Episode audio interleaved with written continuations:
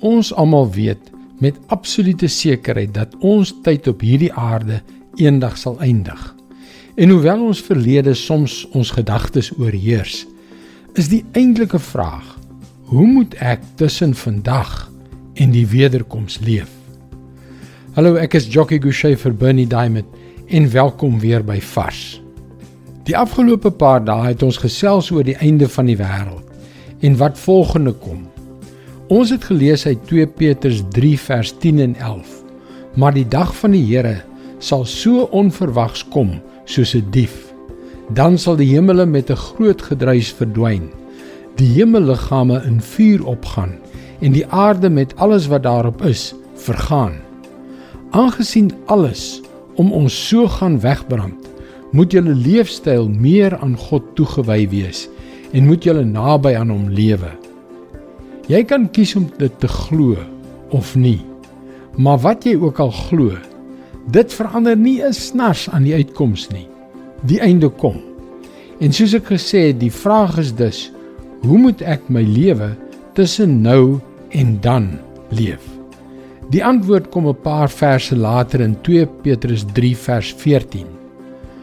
Daarom geliefdes, terwyl julle wag dat hierdie dinge gebeur, moet julle hard werk om vlekkeloos en sonder fout deur God bevind te word. Lewe in vrede met God. Onthou Petrus het hierdie brief geskryf aan die Christene wat as gevolg van uiterste vervolging oor die hele bekende wêreld versprei was en hy moedig hulle aan om hard te werk. Die oorspronklike teks praat daarvan om ywerig te wees en om sonder vlek of gebrek deur God bevind te word. En daardie oproep op ons almal se lewens word nie tydens moeilike tye opgeskort nie. Hier is geen uitklimklausule nie. Ja, ons word deur ons geloof in Jesus uit genade gered. Maar ons reaksie op daardie genade is om ons lewens opreg vir hom te leef. Al word dinge vir ons moeilik.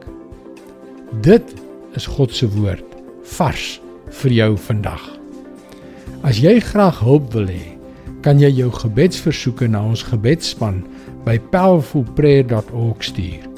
Jy kan egter nog op die gewone webwerf varsvandag.co.za vir jou daaglikse vars boodskappe inteken.